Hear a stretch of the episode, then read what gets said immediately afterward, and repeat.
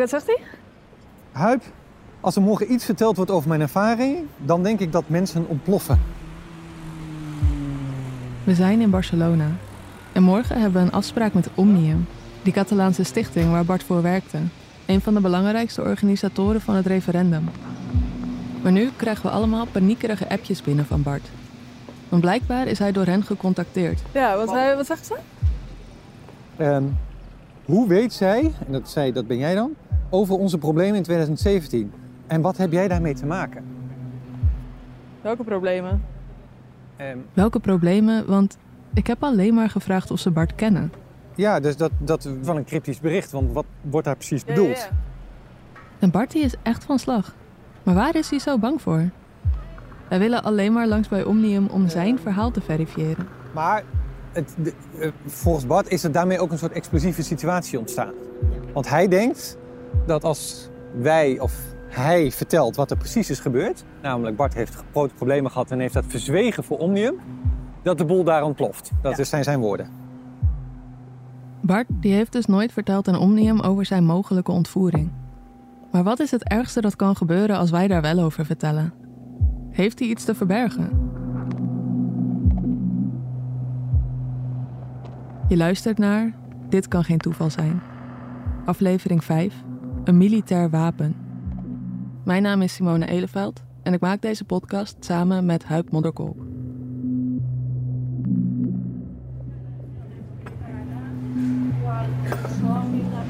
Gracias. Hola, Hola. ¿para pagar? Sí? Ok, esto no, ¿no? No, esto no. Ok, 16,40. Sí, sí, sí. Tarjeta. Con tarjeta, sí. Barcelona. De plek waar alles plaatsvond.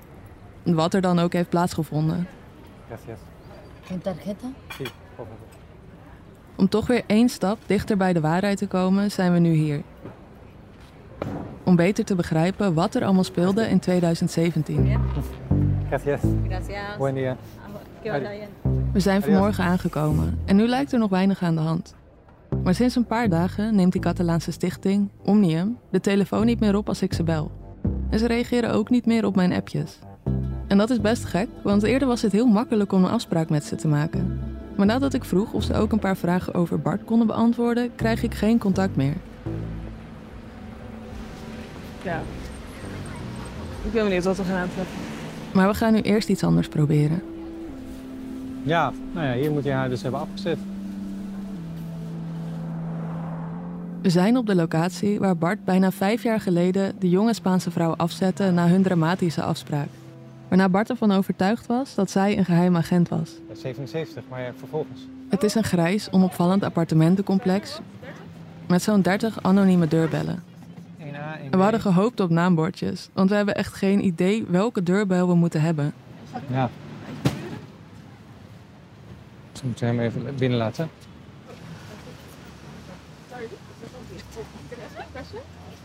You know uh, this person? Ik laat hem haar naam zien op mijn telefoon. You know if she lives here? She lives here?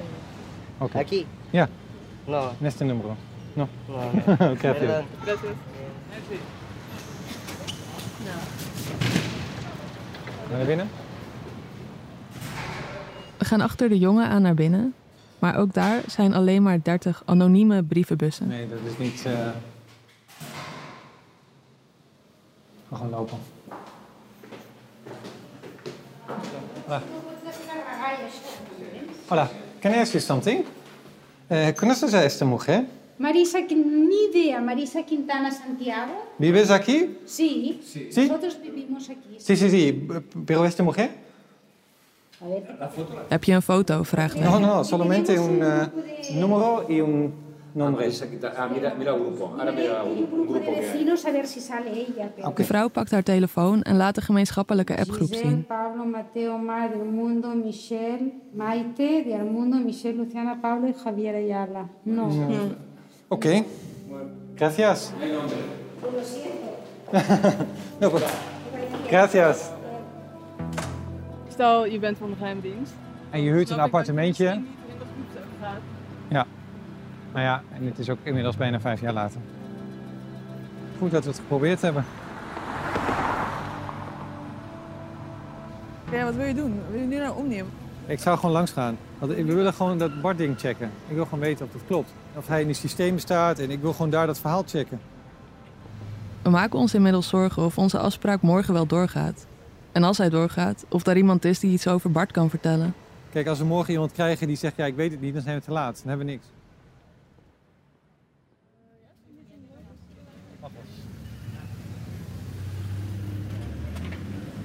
Hola. Hello. Uh, we, we want to go to Omnium. Yes, up the stairs. okay. First floor or second floor? First. En daarom zijn we nu op het hoofdkantoor. Hola. Do you speak English? Yeah, a little. Okay, great. Um, we are uh, journalists from the Netherlands, Ja. Hollanda. Yeah. Maar de receptioniste lijkt heel ongemakkelijk te worden van ons bezoek. Um, but She's not around today, right? no. I, I, And I asked if she was able to answer these questions, but I didn't get a response. Er is dus maar één iemand in heel Omnium die met ons mag praten. Maar zij reageert niet meer op mijn berichten. But I don't know. You have to talk to with Elena. Okay, okay. I'm sorry, but okay, okay. Is I there, don't know. yeah, is there anybody else who could speak to us? No, it's Elena, the, the woman who. Yeah. We laten weer een bericht achter. Okay, perfect. Thank, Thank you very much. much. Yeah, thank you. Bye. Maar wat is hier aan de hand? Waarom krijg ik geen reactie meer en wil niemand hier met ons praten? Thank you. Dat Omnium zo gek reageert, kan trouwens ook met iets anders te maken hebben. Want ongeveer twee weken voor ik ze contacteerde, werd bekend dat de Catalaanse separatisten op enorme schaal zijn afgeluisterd door de Spaanse overheid. Door middel van de software Pegasus. In totaal is Pegasus op 65 Catalaanse telefoons gevonden, waaronder op die van advocaten, journalisten, activisten en politici. En ook vier medewerkers van Omnium zijn afgeluisterd. Pegasus, dat is een spionagesoftware van het Israëlische bedrijf NSO. Zij zijn zo goed in wat ze doen dat geheime diensten over heel de wereld hun programma inkopen om telefoons te hacken. Maar waarom zijn zij de enige die zo goed zijn? In zo'n groep? Ja. Nou, ze zijn niet de enige, maar ze zijn wel heel goed. En zij komen gewoon vanuit de Israëlische inlichtingendienst. En de Israëlische inlichtingendienst, of de hackerseenheid, Unit 8200, ja, is waanzinnig goed. Eh, samen met de Amerikanen en de Britten staan die wel eh, ja, aan, de, aan, de, aan de top. Zo goed dat ook de AIVD, de Nederlandse inlichtingendienst die ook bekend staat om haar goede hackers, ook Pegasus inkoopt. Pegasus. Dat blijkt uit onderzoek van de Volkskrant. Daar vond Huip het bewijs van, vlak voor onze reis naar Barcelona. En het verbaasde hem. Eh, want ik had inderdaad gedacht, ja, dat kunnen ze vast zelf. Ehm, bovendien zitten er gewoon allerlei ja, morele vragen omheen. Eh, Als, als het gebruikt wordt tegen journalisten of tegen activisten of mensenrechtenverdedigers, wil je die markt in stand houden, wil je daaraan bijdragen. Ja. Want Pegasus is gebruikt om de telefoon van de vrouw van Jamal Khashoggi af te luisteren. De journalist die door Saoedi-Arabië is gemarteld en in stukken gehakt. En het stond op de telefoon van de Mexicaanse journalist Cecilio Pineda Birto, die vermoord is kort nadat hij de banden tussen de lokale autoriteiten en bendes bekend maakte. En in Europa is het in Hongarije en in Spanje dus bij journalisten op hun telefoon gevonden. En ben jij wel eens bang dat het tegen jou wordt gebruikt? Ehm, nou, nu niet, maar wel eens. Ja. Er zijn wel eens mensen die ook waarschuwen. Eh, en dan vind ik het wel spannend. Dus dan, eh, Hoezo waarschuwen? nou, iemand die dan zegt van, eh, die echt wel goed bekend is met het eh, werk van geheime diensten in Nederland. En die zegt dan, eh, ja, ik, ik zou als ik de IVD was ook jou eh, infecteren. En dan, ja, dan maak ik me wel een beetje zorgen, ja. En Pegasus is zo invasief dat het als een militair wapen wordt gezien. Het heeft toegang tot al je foto's, al je berichten, het kan je locatie volgen en het kan op elk gewenst moment je microfoon of je camera aanzetten. Want wat zijn de gevolgen als er wel Pegasus op jouw telefoon zou staan? Ehm, nou, dan moet je denk ik gewoon heel goed kijken naar wat is de context. Dus wie zou het dan kunnen zijn geweest en wanneer. En ik denk dat vooral wanneer is heel erg belangrijk. Ja, en dan de gevolgen is natuurlijk dat het raakt aan, eh, aan bronnen. Eh, en aan informatie die, die je van bronnen krijgt. En dat is voor die bronnen is dat, is, en voor mij daarmee ook, zijn, kunnen die gevolgen wel groot zijn. Ja. Dus kunnen, het, het gevolg kan zijn dat de mensen de gevangenis in moeten. Maar om erachter te komen of Pegasus op je telefoon zit, is heel lastig. Er zijn twee instituten ter wereld die je daar nu bij kunnen helpen: Amnesty International en Citizen Lab. Die laatste is een tak van Toronto University, die een methodologie heeft ontwikkeld om vroege uitgaven van Pegasus te detecteren. Maar dan zoek je dus eigenlijk naar sporen van nu. Eh, van wat nu bekend is. Maar de eh, software zelf, of het wapen zelf zeg maar, de malware is alweer aangepast. Ja. En dat is niet te detecteren. Dus stel, Pegasus zit nu op jouw telefoon, er is gewoon geen manier om daarachter te komen. Eh, nee, als de nieuwste versie is, niet, nee. Nee. Nee. Maar de oudere versies die stonden niet op jouw telefoon. Nee. Dit weten we omdat Huib's telefoon is onderzocht door een van de onderzoekers van Citizen Lab, Elias Campo. Ben je klaar? We spraken Elias al eerder, omdat hij een van de onderzoekers is die openbaarde dat de Catalaanse separatisten op zo'n grote schaal zijn afgeluisterd. Hallo? Hello? Hi, can you hear us? Yes, I can hear you now. Zelf is hij ook Catalaans, maar hij woont al jaren in de Verenigde Staten. Hij zegt dat sinds ze het onderzoek over Spanje naar buiten hebben gebracht, het interessante dagen zijn geweest. Eerder werkte hij bij WhatsApp en later Telegram, dus hij is op zich enige stress gewend rond grote lanceringen. And um, this type of publication launch was my first uh, with Citizen Lab, and it's been very interesting to experience all the discredit from Spain towards Citizen Lab and me personally. En de reactie van de Spaanse overheid is inderdaad interessant geweest. Na de publicatie trokken sommige ministers de betrouwbaarheid van Citizen Lab, een gerenommeerd onderzoeksinstituut, direct in twijfel. En ook verscheen bij kleine Spaanse media desinformatie, over Elias in het bijzonder. Maar kort daarop werd toch het hoofd van de CNI, de Spaanse inlichtingendienst, ontslagen. And this is something that um, I'm not used to from launching products, but it's been interesting to, to live this first person. Wat wel al bij zijn werk bij WhatsApp en Telegram hoorde, is zelf het doelwit zijn van hackpogingen. Na al zijn jaren daar is hij inmiddels dus goed getraind in het inschatten of een onschuldig ogend mailtje misschien eigenlijk een aanval is. I've over the years I've developed some somewhat of a human antivirus. En wanneer hij in 2019, als hij nog werkt bij Telegram, een e-mail krijgt van de Spaanse Kamer van Koophandel, opent hij dus niet direct het bijgevoegde document. I remember receiving that email and thinking, hmm, this is an un- unusual uh, attack. Wat hem opvalt eraan is dat de e-mail niet helemaal authentiek overkomt, maar dat hij toch hele persoonlijke informatie bevat. Informatie die eigenlijk alleen de Kamer van Koophandel heeft. Hij vraagt ze of de e-mail van hen komt. En inderdaad, zij weten van niks. Maar van wie komt die dan? Elias denkt er dan niet te lang over na. En pas een paar jaar later, als hij bij Citizen Lab werkt, denkt hij er opnieuw aan. So I went back to the email, where was able to download the or- or- original file. Die laat hij controleren door een collega. En inderdaad, het was een aanval. Van een instantie dus, die informatie over Elias heeft, die eigenlijk alleen de Spaanse overheid heeft. Why were you a target, you think? Uh, we don't we don't know. My suspicion is that is I worked at Telegram, and uh, Telegram, uh, as you know, has cha- channels that are used across the uh, world for uh, demonstrations, coordination. Telegram, dat is inderdaad een van de meest gebruikte apps om demonstraties mee te organiseren. Omdat alle communicatie erin wordt versleuteld, waardoor de politie en geheime diensten niet mee kunnen kijken. Uh, like it happened in Belarus or Hong Kong or Nicaragua, the United States. En in 2019, nadat de 13 opgepakte separatisten worden veroordeeld tot jarenlange gevangenisstraffen, zijn er wekenlang grootschalige protesten in Catalonië. En niemand weet wie ze organiseren. Ik bedoel, er zijn wel vermoedens, maar omdat iedereen nu weet waar de Spaanse overheid toe in staat is, proberen alle organisatoren zo anoniem mogelijk te blijven. En dus communiceren ze enkel via versleutelde apps. and one of the channels was on, on Telegram. So my suspicion is that they wanted to access who was behind the the channel, and they thought maybe I had access to it.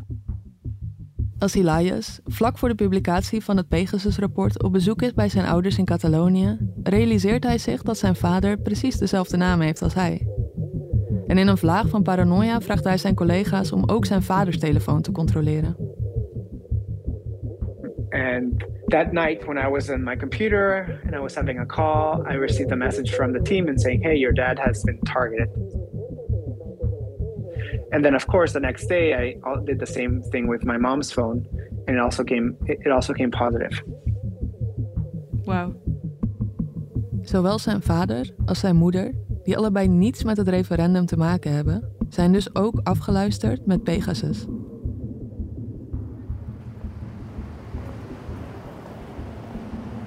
Ja, is hij dat? Are you Henri? Terug naar Barcelona. Hi, are you Henri? Hi, Simona. Nice to meet you. Hi. Enrique Lugan, een politicoloog gespecialiseerd in informatietechnologie, privacy en het Catalaans conflict. De ideale persoon dus om Bart's casus aan voor te leggen. Vindt hij zelf ook. No, because I think that you did a good research if you contacted me. Because I think I am among the people that you should ask about the topics you are looking for. En dat is misschien wat vreemd om zo over jezelf te zeggen, maar het is ook wel indicatief voor de droge, exacte manier waarop Enrique naar dingen kijkt. Met diezelfde onemotionele blik analyseert hij dus het Catalaans conflict. En dat maakt ook dat als het Pegasus-schandaal bekend wordt, hij daar niet echt van schrikt. Revelations about um, uh, Pegasus, the use of Pegasus Mhm. against uh, Catalan uh, leaders. Yeah. What, were you surprised about it? No, not at all. Why not? That the, the CNI, the Spanish intelligence services, are one of their main uh, issues is how to face the Catalan secessionist movement. I think it's quite clear. So I think that's not that relevant, actually. Hmm. Of course, that's what. Well, there was a reason that the head of the that I think that on the Netherlands or in France would be the exact same thing. Wat Enrique hier zegt, dat klopt. En het is natuurlijk zeer de vraag of de AIVD net zo ver zou zijn gegaan als de CNI. Het directeur van de CNI is ook niet voor niets ontslagen. Maar dat de AIVD al haar middelen zou inzetten om te voorkomen dat een deel van Nederland zich afscheidt van de rest, dat staat buiten kijf. Het is een van de belangrijkste redenen dat ze bestaan, om de nationale eenheid te beschermen. Dat is ook waarom we ze toestaan om zulke invasieve wapens als Pegasus te gebruiken. Uh, I mean, that the CN- CNI is following someone because it seems that they want to separate a part of the political community. That's not a surprise. I don't know what to say to you. I mean, for me, it's not that controversial because. would they go? So this is. But that, of course, this would happen in any kind of state. The, the razón de Estado, the reason of state, is what allows uh, any country in the world Yeah. to defend uh, its territorial integrity, even if it had to, to use some controversial means. De denkfout die de separatisten maakten volgens Enrique is dat ze dachten dat ze hier zonder kleerscheuren uit zouden komen.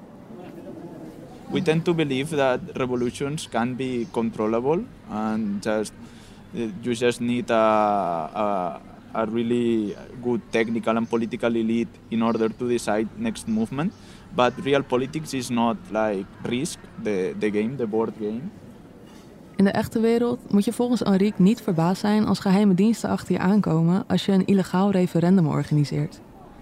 and i think that's what happened that they believed they were in control Maar omdat diensten over het algemeen in het geheim opereren, is het ook weer niet zo gek dat je denkt met veel weg te kunnen komen. Thank you for your time. no you're welcome now i will have to leave Yeah, no, we took a bit more of your time. Nadat we afscheid nemen van Enrique, is het weer tijd om na te denken over onze volgende stap. Omnium heeft nog steeds niet geantwoord. Ons interview van die middag is ook afgezegd en we dwalen een beetje door Barcelona. Zonder plan en met weinig hoop dat deze reis ons nog iets op gaat leveren. Huip die weet dat dit soort onderzoeken meestal ingewikkeld zijn. Maar het lijkt nu wel alsof echt alles tegen zit. Nou ja, ik denk dus inderdaad dat er twee verhalen telkens gemengd worden. En dat, zijn, dat maakt dit onderzoek zo ontzettend complex. Dus als je dit aan mensen vertelt, ook hier, eh, die, dat, die hem niet kennen, eh, en het gewoon het verhaal vertelt, dan tuurlijk, vinden ze het heel vreemd wat er in het vliegtuig is gebeurd. Maar dan denkt iedereen eigenlijk, nou ja, daar moet je je niet verbaasd over zijn, het zou best kunnen. Eh, maar dan helpt het als iemand, eh, nou ja, als, als hij gekke dingen vindt, dat hij die bewaart. Als hij goed documenteert, als hij er eh, coherent over praat. eh, als zijn vrienden bereid zijn te helpen.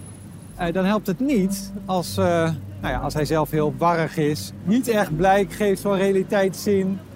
dat zijn vrienden zeggen, ja, we geloven hem eigenlijk ook niet. Dus ja, dat is telkens wat door elkaar gemengd wordt. Omdat hij zo'n logisch doelwit is. Maar tegelijkertijd zelf onmogelijk over praat. We lopen naar het hotel en rusten daar even. En als ik een uur later weer uit mijn kamer kom, dan staat Huip daar met op zijn telefoon tientallen paniekerige berichtjes van Bart. Want blijkbaar heeft Omnium na ons bezoek vanmorgen direct contact met hem opgenomen. En nu is hij bang dat zijn grootste angst uit gaat komen. Namelijk dat wanneer Omnium zijn verhaal hoort, ze het gaan gebruiken om op te roepen tot grootschalig protest. Die angst waar hij keer op keer op terugkomt. Hij denkt dat er nu bij Omnium gezegd gaat worden dat ze niet bekend zijn met mijn mailing activiteit, eh, activities. Oké. Waarom zouden ze dat zeggen? We hebben nu al al het bewijs. Want dat is het goede nieuws. Ondanks dat iedereen nu in alle staat is, heeft dit voor ons eigenlijk vrij positief uitgepakt. Bart heeft namelijk alle berichten tussen Omnium en hem aan ons doorgestuurd. En daar staat veel informatie in. Kijk, eh, iemand daar zegt, dank Bart, I've been reviewing emails you sent me back in 2017. Ja. Een bevestiging van hun relatie. Het bericht gaat verder.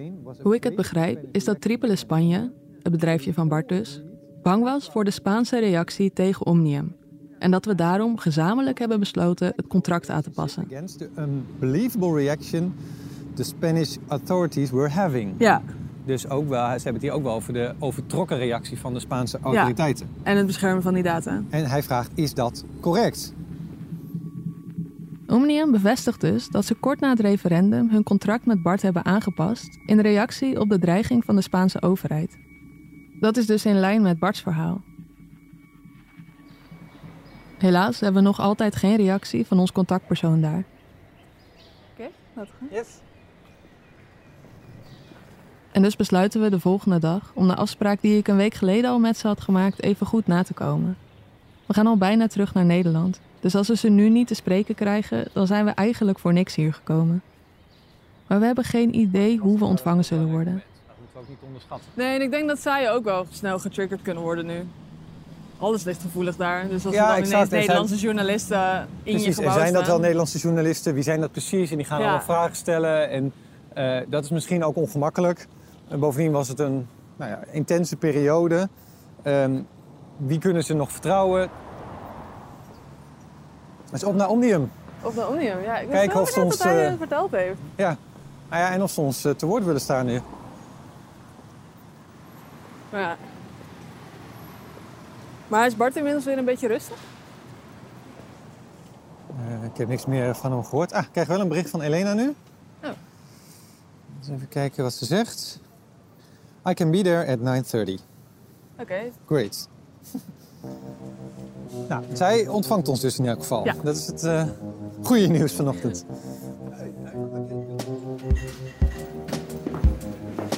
Hey, good morning. Uh, we have a meeting with Elena Jimenez. Just a moment, please. Elena Jiménez Botillas. Zij is de woordvoerder van de internationale tak van Omnium. Yes. Hi, nice to meet you. Yeah. Yes. Hola. Buenas. Muy bien. Ze neemt ons mee naar een donkere gang waar ze met haar vingerafdruk een zaaltje opent. Oh, wow. Good protection. Yeah, well. Het is allemaal niet wat je verwacht bij een stichting ter bevordering van de Catalaanse taal en cultuur. Maar dat vindt Elena ook. Zij had ook niet verwacht dat zij hier op een dag een interview zou doen in een zaal enkel toegankelijk via vingerafdruk over hoe haar eigen telefoon was afgeluisterd door de Spaanse overheid. Want zij was ook een van de vier van Omnium Uw telefoon was geïnfecteerd met Pegasus. Ze is er wat laconiek onder. En noemt haar telefoon nu haar CNI friend. CNI friend of whatever. There's your CNI friend. Yeah. Maar sinds de ontdekking van die software denkt ze tijdens elk gesprek dat ze voert aan wie er misschien meeluistert. En ze beaamt ook dat iedereen in een organisatie op scherp lijkt te staan. Well, we are much more careful.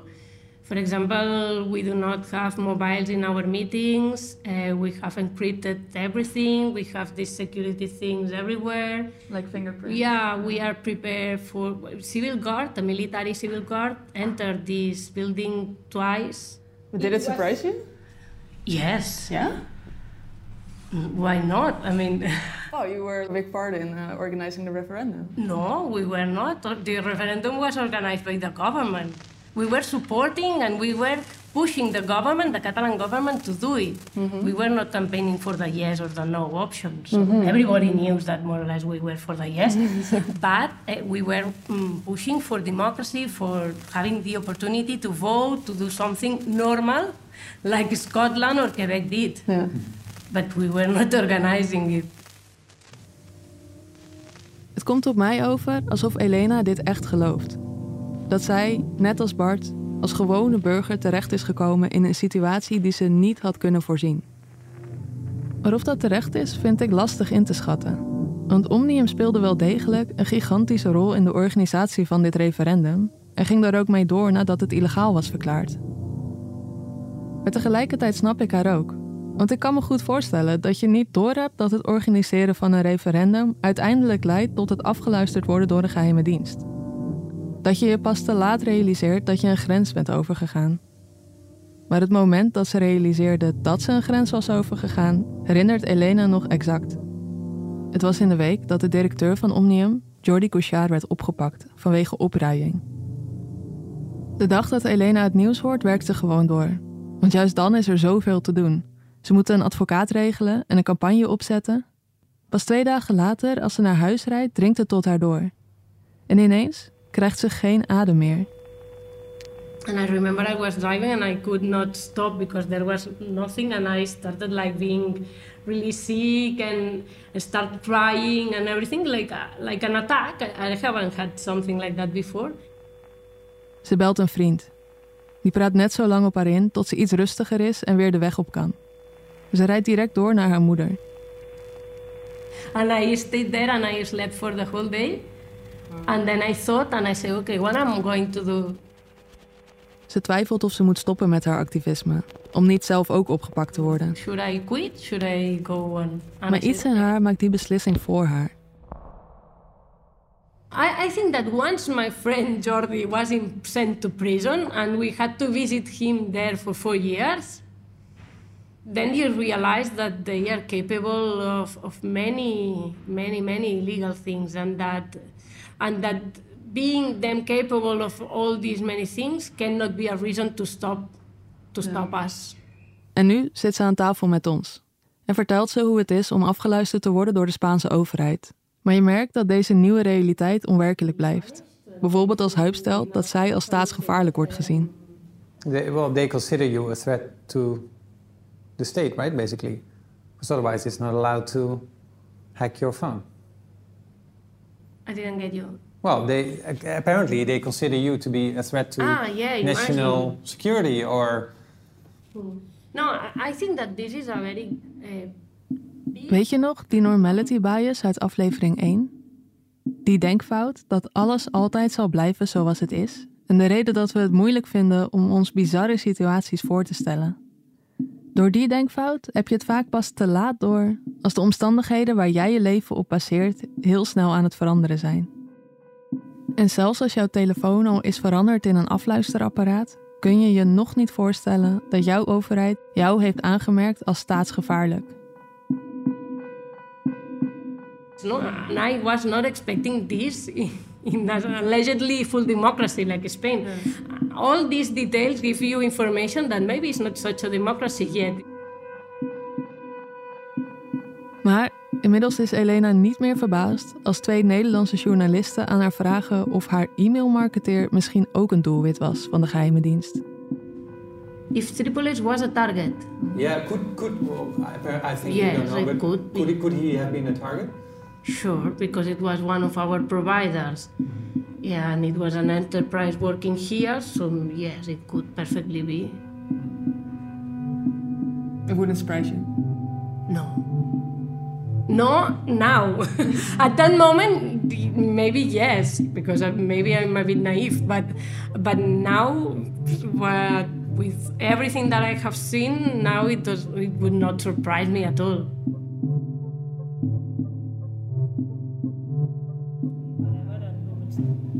Great, thank you. Thank you.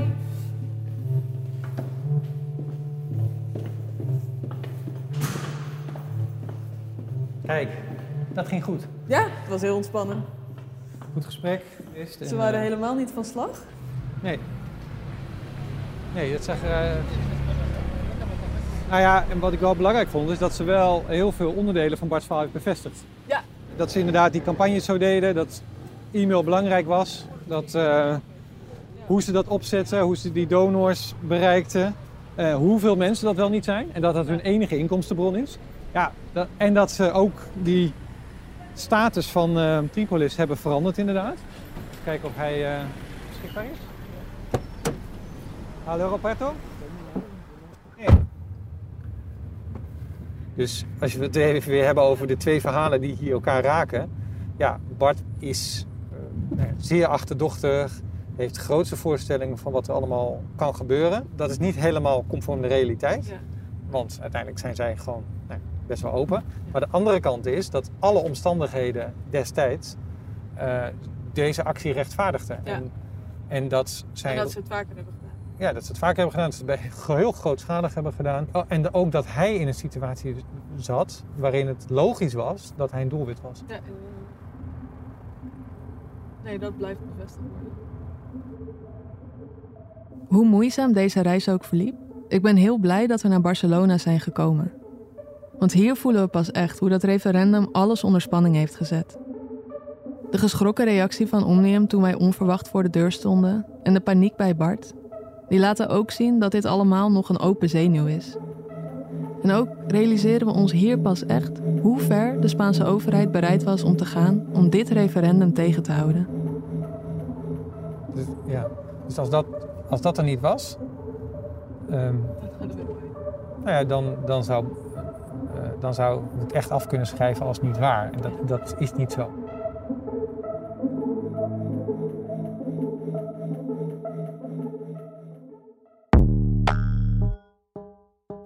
In de laatste aflevering spreken we eindelijk de vrienden van Bart. Ja, Bart heeft best wel veel impact gehad. Hij was er ook best heel veel mee bezig. Hè? Heel veel, steeds meer. Hij verloor ook wel vrienden omdat hij maar bij bleef vertellen. En Het is vernederend, want het maakt niet uit hoe, wat en waarom ik het zeg. Het resultaat is altijd hetzelfde blijven. En waarom hield Bart zulke belangrijke informatie achter? Het- ik snap gewoon niet dat we dit nu pas weten. Ja, ja, nee, eens. Eh, maar dat maakt Bart zijn aandeel dus ook ontzettend belangrijk. En veel belangrijker dan we eigenlijk dachten. Je luisterde naar Dit kan geen toeval zijn.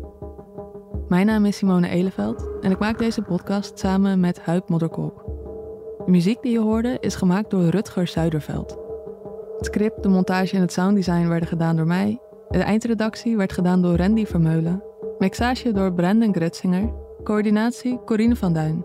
Het logo werd ontworpen door Tijmen Snelderwaard en Titus Knechtel. Communicatie door Emilie van Kinschot. En met dank aan Kevin Goes, Marije Randewijk, Maartje Bakker en Joris Heikant. Dankjewel voor het luisteren. En als je deze podcast interessant of mooi vindt, dan kan je ons enorm helpen door een recensie achter te laten in de app waar jij luistert. Dit kan geen toeval zijn is een productie van de Volkskrant. En als je onze journalistiek wil steunen, dan kun je dat het beste doen door een abonnement te nemen. Daarvoor ga je naar volkskrant.nl/slash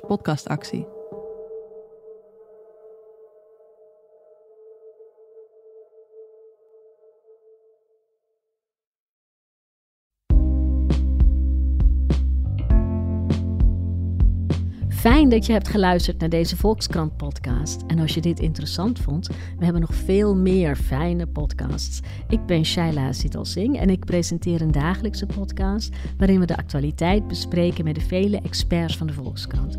Ook Huid Modderkolk uit deze podcast is regelmatig te gast. Abonneren kan via de reguliere kanalen en u vindt ons natuurlijk in de Volkskrant app.